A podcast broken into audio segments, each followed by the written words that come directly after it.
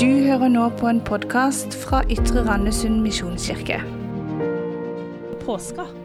Det er jo det som er selve evangeliet. Og jeg tror at i vår hverdag så er evangeliet høyaktuelt. Gud som forsonte verden med seg gjennom Jesus Kristus. Han som seira over død og ondskap. Og så gjorde han veien til Gud åpen og tilgjengelig for deg og for meg. Og så står det at han har gitt disse forsoningsnyhetene. De har han overlatt til oss med å dele med verden. Og det tenker jeg er så risky av Gud. Å overlate ansvaret for verdens beste nyheter til oss. Og det begynte han med å gi til de tolv disiplene. Og når du ser på hvem de egentlig var altså Alle stakk av i Getsemane. Vi har hørt om Peter som dissa Jesus. Han banna på at han ikke kjente Jesus tre ganger. De drev stadig og krangla om hvem som var størst og best. Og så forsto de egentlig pent lite av det Jesus forsøkte å si i tre år. Flere låste seg inn i skrekk for å skulle oppleve det samme som Jesus. Og når du ser på deres merittliste, når du ser på det de var og det de gjorde, deres svakheter og svik, så kan du kanskje senke skuldrene og tenke ja, jeg kan kanskje regne meg med i det vi-et. Betrodd, vi er betrodd forsoningens tjeneste. Det er ikke for fiffen, det er ikke for de mest åndelige. Det er ikke bare for de frimodige, det er for oss. Og For meg så er det blitt min liksom, misjonsbefaling. Det står i 2. Korinterne 5. Alt er av Gud. Han som ved Kristus forsonte oss med seg selv og ga oss forsoningens tjeneste. For det var Gud som i Kristus forsonte verden med seg selv, slik at han ikke tilregner dem deres misgjerninger, og han betrodde budskapet om forsoningen til oss. Så er vi da utsendinger for Kristus. Og det er Gud selv som formaner på Kristi vegne. La dere forsone med Gud av synd har han gjort til synd for oss, for at vi i ham skulle få Guds rettferdighet. Skal jeg bytte mikk, eller går det bra? Vi fortsetter litt. For meg så er det et sånn livsvers at jeg er betrodd forsoningens tjeneste. Jeg er egentlig betrodd å fortelle verden at alt er betalt, alt er ordna opp. Han elsker verden så høyt nå, sånn som de er nå, at han lot sønnen sin dø for oss mens vi ennå var syndere, og så vil han ha oss inn i lyset. Og Jeg er misjonærbarn. Jeg har vært på mange gudstjenester, jeg har vært på mange leirer, og så har jeg hørt misjonsbefalinga hundrevis av ganger. Og så føler jeg liksom at den har vært et sånn livsvers, eh, både for meg, men også spesielt for mine foreldre. Det skal jeg komme tilbake til. Og det er jo misjonsbefalinga som ofte er liksom utsendelsesverset for de som reiser over landegrenser for å dele om Jesus. Men Misjonsbefalinga er ikke bare for de. Det er for deg, og det er for meg. Og Den dagen jeg forsto at Jesus ikke bare kaller noen få utvalgte til å gå ut, men han kaller meg til å gå ut, så blei den mye mer konkret og utfordrende også i mitt liv. Og I Markusevangeliet 16 så står det gjengitt på denne måten. Jesus, og han sa til dem, gå ut i hele verden og forkynn evangeliet for alt som Gud har skapt. Den som tror og blir døpt, skal bli frelst men den som ikke tror, skal bli fordømt. Og disse tegnene skal følge dem som tror. I mitt navn skal de drive ut onde ånder. De skal tale nye tungemål, og de skal ta slanger i hendene. Om de drikker dødelig gift, skal det ikke skade dem. Og når de legger hendene på syke, skal de bli friske. Det er et heftig vers. Og det er store løfter. Og kanskje kan vi bli så opptatt av slutten det litt sånn ekstraordinære at vi glemmer at det er en start og en forutsetning, nemlig å gå ut. Og For meg så ble det veldig mye mer relevant i mitt liv og veldig mye mer konkret som traff meg når jeg begynte å tenke at Gud ikke bare ba, ba, meg gå ut i hele verden, og det er enten et ja eller et nei til det spørsmålet går du ut, men han spør meg faktisk om å gå ut i min verden. Han utfordrer meg til å gå ut til de som er i min verden, i min hverdag de jeg treffer i løpet av ei uke eller i løpet av et år. Det er ikke sikkert jeg kommer meg til en unådd stamme i Amazonasjungelen eller er blant de ikke-kristne foreløpig i Kina, eller at jeg kommer til Jemen, men jeg er her. Og misjonsbefalinga gjelder meg like mye som misjonær. Jeg er kalt til å være en misjonær og å tenke misjonalt her i Norge. Og jeg er også misjonærbarn. Og min mamma og pappa reiste ut som misjonærer til Etiopia og Tanzania. De var ute i 13 år til sammen. Og jeg tenker av og på til på de som et eksempel for også hvordan vi må tenke misjonalt i vårt liv. For at de hadde en klar opplevelse av et kall. Og det ble veldig konkret og tydelig ved at de ble sendt til et land. Og I første gang så var det Etiopia. Og I forkant av utreise og den første tida så brukte mamma og pappa mye tid på å lære seg språk, kultur og hvordan de skulle nå mennesker med evangeliet om Jesus. De måtte lære seg nye skikker til hvordan du hilste på folk. De måtte smake på ny, sterk mat. De måtte venne seg til et annet klima. Og de var i Etiopia med en veldig sånn klar hensikt. Og det betydde at de måtte gjøre noen krevende offer. Vi skilte oss ut som familie. Vi var annerledes. Vi var på et oppdrag. Og De hadde sine siste åtte år som misjonærer i Tanzania, der hvor jeg er født. Og I Tanzania er det i dag 60% kristne. I Norge er vi godt under 10% som går jevnlig i kirka, selv om det er mye skjult tro rundt om i landet. Men logisk sett så er det Norge som nå trenger misjonærer. Er dere ikke enig? Det er vi som har på en måte mørketalla, som burde liksom vekke en misjonærglød. Og vi begynner å få misjonærer fra andre land til oss som syns det står så dårlig til at de må komme og forkynne evangeliet. Takk og lov. Men vi er jo også her. Og kanskje må vi begynne å tenke som mamma og pappa gjorde, og de andre misjonærene gjør. Tenke misjonalt. Men vi skal være misjonærer her i Norge. Kanskje vi må tenke at det betyr faktisk at vi ikke skal være som alle andre. Fordi vi lever med et oppdrag. Ja, Vi skal ha liksom litt andre briller når vi ser på vårt samfunn og vår tid. Det skal være med å prege vårt fokus, våre penger, våre relasjoner. Vi kan kanskje ta noen valg som koster litt, og som gjør at vi stikker oss ut. Og så kan det hende at vi kjenner oss som fremmede midt i vårt land.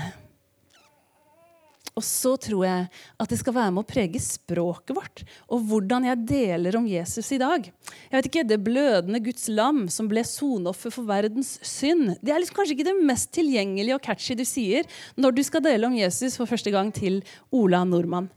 Vi tror jeg, må øve på å dele om Jesus med våre egne ord. Ut ifra egne erfaringer. Og også for å gjøre Bibelen relevant i vår tid, så tror jeg vi må øve litt.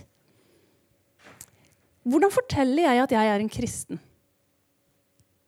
Hvor kommer jeg, liksom? Ja, jeg er en kristen. Å ja, er du for eller imot det? Å, nei. Blind vei. Ok, jeg er pastor. Og tro meg, det er like fristende å bare avslutte samtalen der når noen spør meg i frisørstolen hva jobber du med da? Ja, jeg er pastor. Tro meg, så lett å bare ta den der kjappe. Og du, da? Hvor lenge har du vært frisør? Men hvordan kan jeg få det til å bli noe jeg deler fra livet mitt og fra hjertet mitt, som er forståelig, som er interessant, og som gjør at det kan vekke deres nysgjerrighet på Jesus? Jeg tror faktisk vi må øve. Jeg tror kanskje vi må øve på hverandre. Øve på hvordan jeg har lyst til å fortelle at jeg er en kristen. Kanskje i cellegruppa eller rundt middagsbordet. Paulus sier til Timoteus i 2. Timoteus 4,4, og det er som han sier det til en speider, vær alltid beredt. Det står for kynn ordet, stå klar i tide og utide. Og i vinter så hørte jeg på Nitimen. Jeg elsker Nitimen. Jeg kjenner sånn voksenpoeng som strømmer på. Men det er unger overalt, og det er litt morgenkaos, og så hører vi på radio. Og så kommer utegående reporter Øyvind. Og Han skal ut på gata i en kjempesnøføyk og spørre om hva folk i Norge i dag tror på. Og så møter han en kar som heter Fred.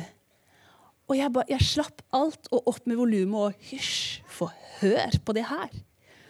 Og jeg tenkte at dere skal få høre litt på et intervju med Fred. Det her er da en fyr som blir hooka tak i av en reporter fra NRK. Og så spør han hva tror du på? Fred gående ut av snøværet. Han står med åpen jakke. Det må jeg si er friskt Fred. Jeg var jo på vei til kontoret som ligger like borti gata, så jeg tenkte det går fint. Du, du, du, tror på dette her med hva vi sier og hva vi gjør. Det har mye å si. Fortell oss litt om det. Ja, jeg har alltid vært opptatt av hvordan vi bruker håper jeg, munnen vår, og hvilke ord vi sier. At det også påvirker oss sjøl. Noen kaller det en positiv forventning eller positiv psykologi. Eh, Jeg tror på Bibelen så det snakkes det om at det vi sier har kraft til enten å velsigne, få en god framtid, eller kanskje også motsatt forbanne. Så jeg prøver aldri å si at ja, nå tror jeg blir syk, eller nå tror jeg det skjer noe dårlig. Jeg har en positiv forventning og prøver å snakke ut ifra den positive forventningen. Oi, dette vil jeg lære. Jeg, jeg kan noen ganger være litt sånn eh, Samboeren min vil kanskje si at jeg kan være noen ganger litt kritisk og litt negativ og sånne type ting. Og det sprer seg jo inni oss selv. Eh, fortell litt, rann, Fred. Det, det glade budskapet i forhold til hvordan vi kan eh, tenke godt for oss selv og andre. Jeg gjør ikke alltid det jeg bør. Jeg har vært gift snart 30 år, og jeg vet jo at en god del ganger har man lyst til å si ganske slemme ting. Og det forplanter følelser i en sjøl. Klarer en å filtrere det og heller liksom si ting som er konstruktivt, så, så avverger man noen ganger noen smeller. Hvis du da går, hva slags smeller kan du gå på, forresten? Nei, jeg kan gå på sånne emosjonelle nedturer liksom at du Ja, man blir irritert, og det er helt naturlig, men bare tenk bra å tenke gjennom, ikke minst i forhold til barna. Har fire barn. Eh, alltid vært opptatt av at det vi sier til de og om de og når de hører på, at det på en måte bygger et positivt selvbilde, bygger en positiv selvforståelse. Ikke bare slenge sånn sur kritikk. Eh, la det være et, et positivt miljø, rent sånn verbalt. Det tror jeg er veldig viktig. Tror du, Nå skal vi straks komme til Gud. Han, han, han tar vi som en dessert i denne samtalen. Nå ble det ikke den muslimske, men nå blir den kristne. Men, men vi tar, tar først skjebnen. Tror du på den? At eh, når du møtte din kone, f.eks., fått fire barn, er det noe, noe skjebne der, eller eh, hvordan ser du på det? Ja, altså det Noen kaller skjebne, vil jeg jo på en måte tenke er en sånn type gud bak det hele, som ikke styrer, men som legger til rette. Uh, Ferdiglagte gjerninger er et sånt uttrykk, at du kan oppleve at ting lager seg godt. Og jeg tilskriver det til at det finnes en god gud. Og apropos det med ord, det er vel han vi har lært av, da, for han eh, sa å bli lys, og så ble det lys, og han brukte ordene ikke til å skape død og fordervelse, men det gode. Og det tror jeg vi mennesker også skal gjøre. Vi er også skapt for å være med å skape noe godt. Tenk nå på noe. Var ikke det kult? Fordi jeg tenker kanskje når jeg skulle øve hjemme, at hvis, hvis det kommer en reporter som jeg får sagt veldig fort at jeg tror på Jesus, og han døde for våre synder, og så sto han opp igjen tredje dag, og så Og så hørte du istedenfor så snakka han om det med munnen vår. Hva vi snakker om. Positiv forventning. Og så får han liksom sagt at jeg tror på Bibelen. Og vi er skapt i Guds bilde. Og han skapte med sine ord. Og så hører du reporteren. Å, dette er spennende! Dette må jeg lære mer om. Og han spør videre, Vi skal høre litt mer av intervjuet. så spør han, men Vi snakker om tro, Fred, men hva med tvil? Og så sier han så utrolig fint Vet du hva, Jeg har måttet stille noen alvorlige spørsmål for å fortsette å tro. Jeg har til og med lagt den til side, men den har kommet tilbake til meg, sier Fred. For det er så mye jeg ikke har skapt sjøl. For Gud har dukka opp på steder jeg ikke har leita etter han, og så har han sendt ting jeg ikke har spurt etter. Troen har kommet til meg. Og så skal vi høre avslutninga på intervjuet. Betyr det for deg? Altså, det er jo mange Vi er jo så utrolig mangfoldige her. Altså, sto jo med den muslimske gjengen akkurat. Vi andre kjenner at eh, det går litt opp og ned i livet innenfor alt dette her. Eh, Hva, hva, hva betyr det for deg å ha med denne troen til alle de som sitter hjemme og, ikke tror på noe? Nei, men det er jo selvfølgelig hver sin vei. En rammefortelling tenker jeg er et viktig ord. Altså, der er, der er en gud over livet, der er, eller en himmel over livet. Der er noe etter døden. eh, Der er kanskje noe med opphav, hensikt. Det er ikke en tvangstrøye, men en rammefortelling. Det betyr mye. Eh, Den er der, Gud er der. eh, Troen må ikke liksom holdes kampaktig i livet. Den, den, den lever som en, som en virkelighetsoppfatning, eh, som for meg gir energi og ja, gi noe å gå, gå på i også noen gang tøffe faser i livet, som man kan oppleve. Og så er jeg trøstens mann helt til slutt. Hva skjer ved døden? Det er, vi, altså, vi må bare ta det spørsmålet pga. at det er det Trond-Viggo snakker om i dag. Hva skjer ved døden? Nei, da tror jeg at eh, Jeg tror på det bibelske at vi skal oppstå til liv. Eh, og at i alle fall, eh, å dø i troen på Jesus Kristus er jo det som er for meg billetten videre. da, At vi skal oppstå til liv. Og så tror jeg at vi er en udødelig sjel da, som på et eller annet vis lever videre, og at himmelen er en virkelighet. Snakk om trøst, Fred! Så fint. Så klokt og så naturlig. Og jeg tenkte, hadde du forberedt deg? Men han kunne jo ikke det, for han visste ikke at han skulle bli stoppa og egentlig få en prekestol til mange hundre tusen nordmenn denne snørike morgenen. Jeg tror i hvert fall at Gud hadde en ferdiglagd gjerning som Fred greip den dagen. Alltid beredt. Og de første kristne de spredte jo evangeliet. Ikke ved teltmøter, ikke møtekampanjer, ikke en flyer, ikke ved å like bibelvers på Facebook. Men evangeliet spredte seg i den første tid via hus og hjem. Og Vi skal ta opp et begrep som heter oikos. Det er gresk, og det kan bety hus, hjem eller storfamilie. For på denne tida så levde de mange sammen i hvert hus eller på sitt område. Det var både kjernefamilien og besteforeldre og tanter og onkler. Og så var det også andre som var knytta til det husholdet, som tjenere og så slaver. Og disse ble regna som et oikos. Og da de ble sendt av Jesus, disiplene og de som kom til tro ved deres forkynnelse, de delte Jesus i sine oikos. Og for deg som tenker at jeg er ikke så veldig til å snakke med mikrofon, og jeg vil ikke stå på markens på en brusboks og rope i en ropert Nei, det er ikke meg. Så kan man kanskje liksom outsource evangelisering til noen andre. Kan ikke noen andre fortelle om Jesus på en sånn måte? Men faktisk er vi alle betrodd et hjem. Også om du er den eneste som bor der, så har du en mulighet via dine relasjoner og din jobb og også ditt hjem til å dele Jesus. Og Oikos det besto og består da av våre, vår familie, våre venner, det er kanskje naboene i gata, og kollegaer på jobben. Det er egentlig der du har en naturlig grunn til å være. Det er der du har en plass. Det er der du lever hverdagslivet ditt. Og det er der de som er i din verden, møter deg. Og jeg tror at Jesus utfordrer meg på ikke bare tenke jungelen langt der ute i Amazonas, men gå derfor ut i din verden. Hvem er det i mitt, mitt oikos? Hvem er det i min familie? Hvilke naboer er det vi har litt sånn ekstra god kontakt med? Hvem er det jeg liksom alltid blir sittende igjen litt lenger med og prate med etter lunsjen på jobb? Hvem er det du kanskje liksom merker at det er noe der? Vi har liksom noe å prate om, og det er så mange spørsmål. Kanskje er det nettopp der at du er satt til å dele evangeliet i din verden. Og jeg liker så godt begrepet som også står i Lukas 10, med fredens menneske. Jeg tror vi alle kan be en bønn om å få øya våre åpna for fredens menneske. Det står Dette er noe Jesus sender ut i 72. Når dere kommer inn i et hus, skal dere først si 'Fred være med dette hjemmet'.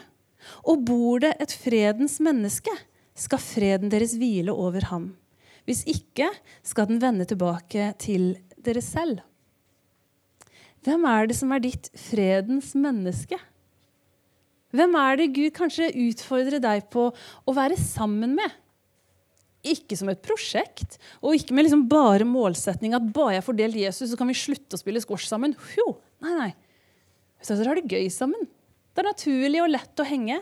Og så kan det også hende at dette er ditt fredens menneske. Jeg blir utrolig inspirert når jeg hører mennesker som bruker de mulighetene de har i hverdagen, og er frimodige. Og klarer å få samtalen til å handle om noe mer enn de barna vi begge er og henter i barnehagen.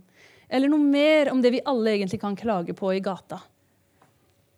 Jeg tror at hver og en av oss er betrodd noen fredens mennesker som Jesus også har lyst til å vise seg gjennom deg til. For jeg hørte en historie en gang om en kristen mann. Han gikk i kirka, og han kunne fortelle at hver søndag sånn litt for seint, rett før 11, så reiste de til kirka. Og de kjørte forbi naboene sine hver søndag, vinka.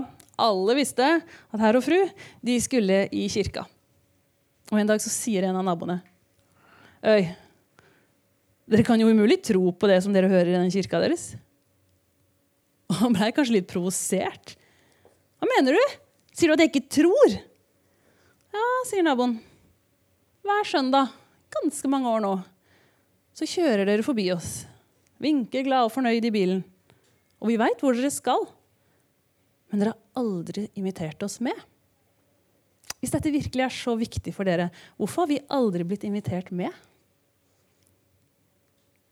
Kanskje noen venter på en invitasjon som vi i vår fintfølenhet og respekt for andre mennesker ikke har våga å gi.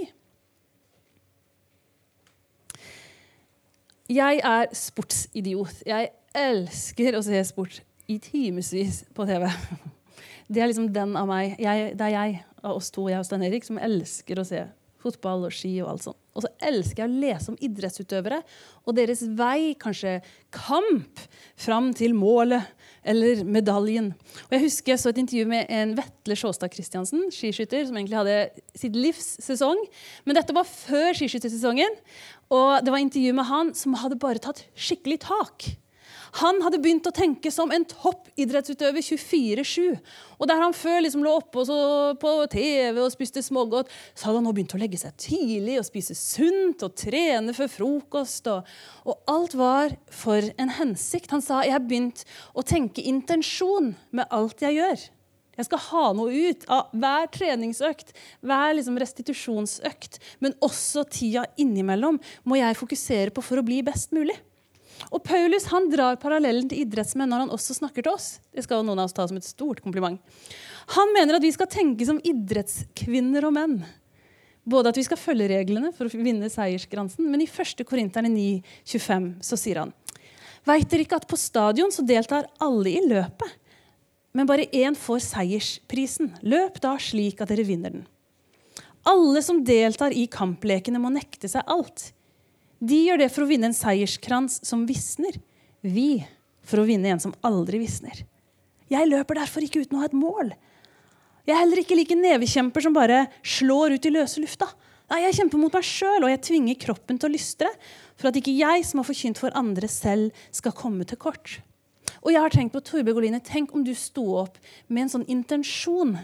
At hver dag så skal det være en hensikt med det jeg gjør. Tenk om jeg kunne gå på det foreldremøtet, men med en hensikt. Hvem kan jeg bety noe for?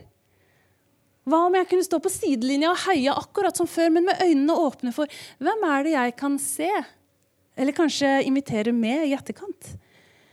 Hvis jeg akkurat som en toppidrettsutøver kunne ha en sånn identitet som misjonær, at alt jeg gjør, det som fyller livet mitt, det har en hensikt, og det kan Gud få lov til å bruke for at jeg skal få dele Han med min verden, så tror jeg det har vært en sånn annen mentalitet må jeg si, i mitt liv.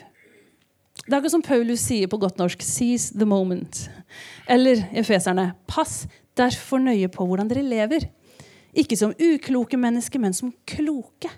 Så dere bruker den dyrebare tida godt. For dagene er onde. Vær ikke uforstandig, men forstå hva som er Herrens vilje. Jeg skal ærlig innrømme at jeg er foreløpig best på å innse i etterkant at der hadde jeg et moment.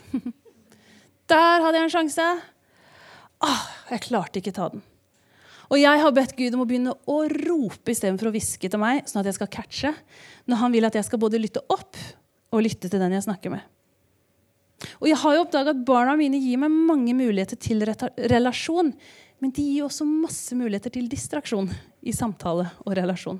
Så jeg må være bevisst. Og jeg husker så godt i sommer vi var i byen, og jeg møtte en far og sønnen hans i parken. som vi kjenner, og Vi prata koselig, overfladisk, mens ungene lekte. og Så måtte vi gå, og på vei til parkeringshuset så hørte jeg endelig etter.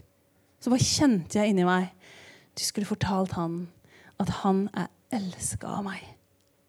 Og det kom så tydelig for meg at jeg nesten snudde. Jeg gjorde ikke det. Og jeg er utrolig avhengig av Guds nåde. Fordi for hver gang jeg mister den sjansen, eller mister den the momentet, så kjenner jeg hvor trygga jeg blir til at neste gang, Gud. Neste gang. Og så handler det ikke om at Gud er treig, og at han kom på for seint og liksom la meg få del i planen han hadde. Nei, nei, nei. Det er frøken Fryd her som trenger å begynne å høre etter. Og så må mennesker aldri bli prosjektet vårt. Det, det fins ikke noe prosjekt fredens menneske. Det må handle om relasjon, og det må være respekt for hverandre. Men du, vi trår ikke feil når vi bestemmer oss for å vise godhet, omsorg og en åpenhet for å snakke om tro. Jeg husker så godt to damer som fortalte hun har blitt frelst gjennom det utrolige arbeidet Damer i byen.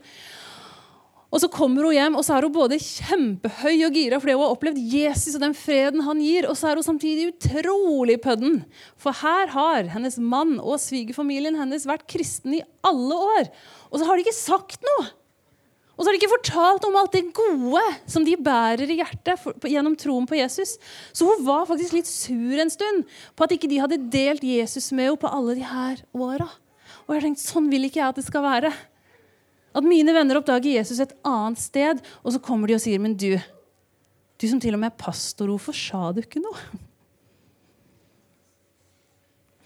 Jeg tror at for at vi skal leve misjonalt, så må vi lage plass i livet vårt. og Det er det siste bildet jeg vil ha. Jeg husker jeg var i Salem misjonskirke, og pastor Jens Kåre hadde et bilde. Han tok opp sånn legokloss og sa han, dere må holde av, eller kanskje lage noen ledige plasser, sånn at dere har plass til nye relasjoner. Det har jeg tenkt på. At jeg må lage plass. Jeg kan ikke bare tro at jeg skal skvise inn det å dele Jesus. Smette inn det å vitne om Jesus når jeg har tid. Nei, nei. Jeg må ha plass til relasjoner med mennesker som ikke kjenner Jesus ennå. Og det kan hende at jeg da må si nei til noe annet. For tenk dere her i Kristiansand. Tenk så mange vi er som tror på Jesus. Og tenk hvis hver og en av oss fikk liksom øya opp for det fredens menneske som er betrodd oss. Og så delte vi liv og tro i respekt og omsorg, men også tydelighet. Sånn at ikke de går glipp av hva vi tror på, og hva vi lever for da vil jo denne byen bli forandra. Ett og ett menneske av gangen. Men da tror jeg at vi må lage plass i vennekretsene våre. Jeg tror vi må invitere noen som ikke pleier å komme. Kanskje vi må dekke på til litt flere rundt middagsbordet eller på båtturen. Noen som ikke er innafor, men som kan oppleve Jesus i og gjennom deg og meg. Da tror jeg fort at det kan bli enda fullere her inne. Ikke fordi at gudstjenesten er målet, at bare de er med på gudstjenesten, så er de innafor. Det er kanskje ikke engang det første stedet vi inviterer med.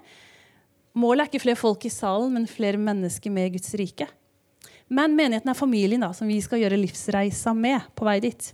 Og tenk om vi i løpet av uka begynte å be Jesus, hvem er det du vil at jeg skal invitere med? Enten det nå er på middag eller på joggetur, og etter hvert kanskje inn i familien, menighetsfamilien. Kanskje kan vi som familie be hvem er fredens familie for oss? Og etter hvert så håper jeg også at de skal finne sin plass i menigheten. Og da, da må vi være på.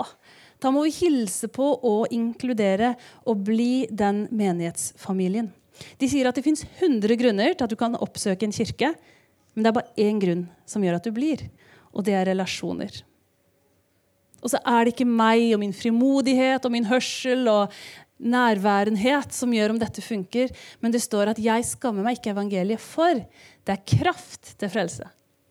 Det er Jesus sjøl som kommer med sin ånd og kan overbevise til tro. Så det hviler lite på meg. Han spør bare 'Vil du være med og dele de gode nyhetene i din verden'?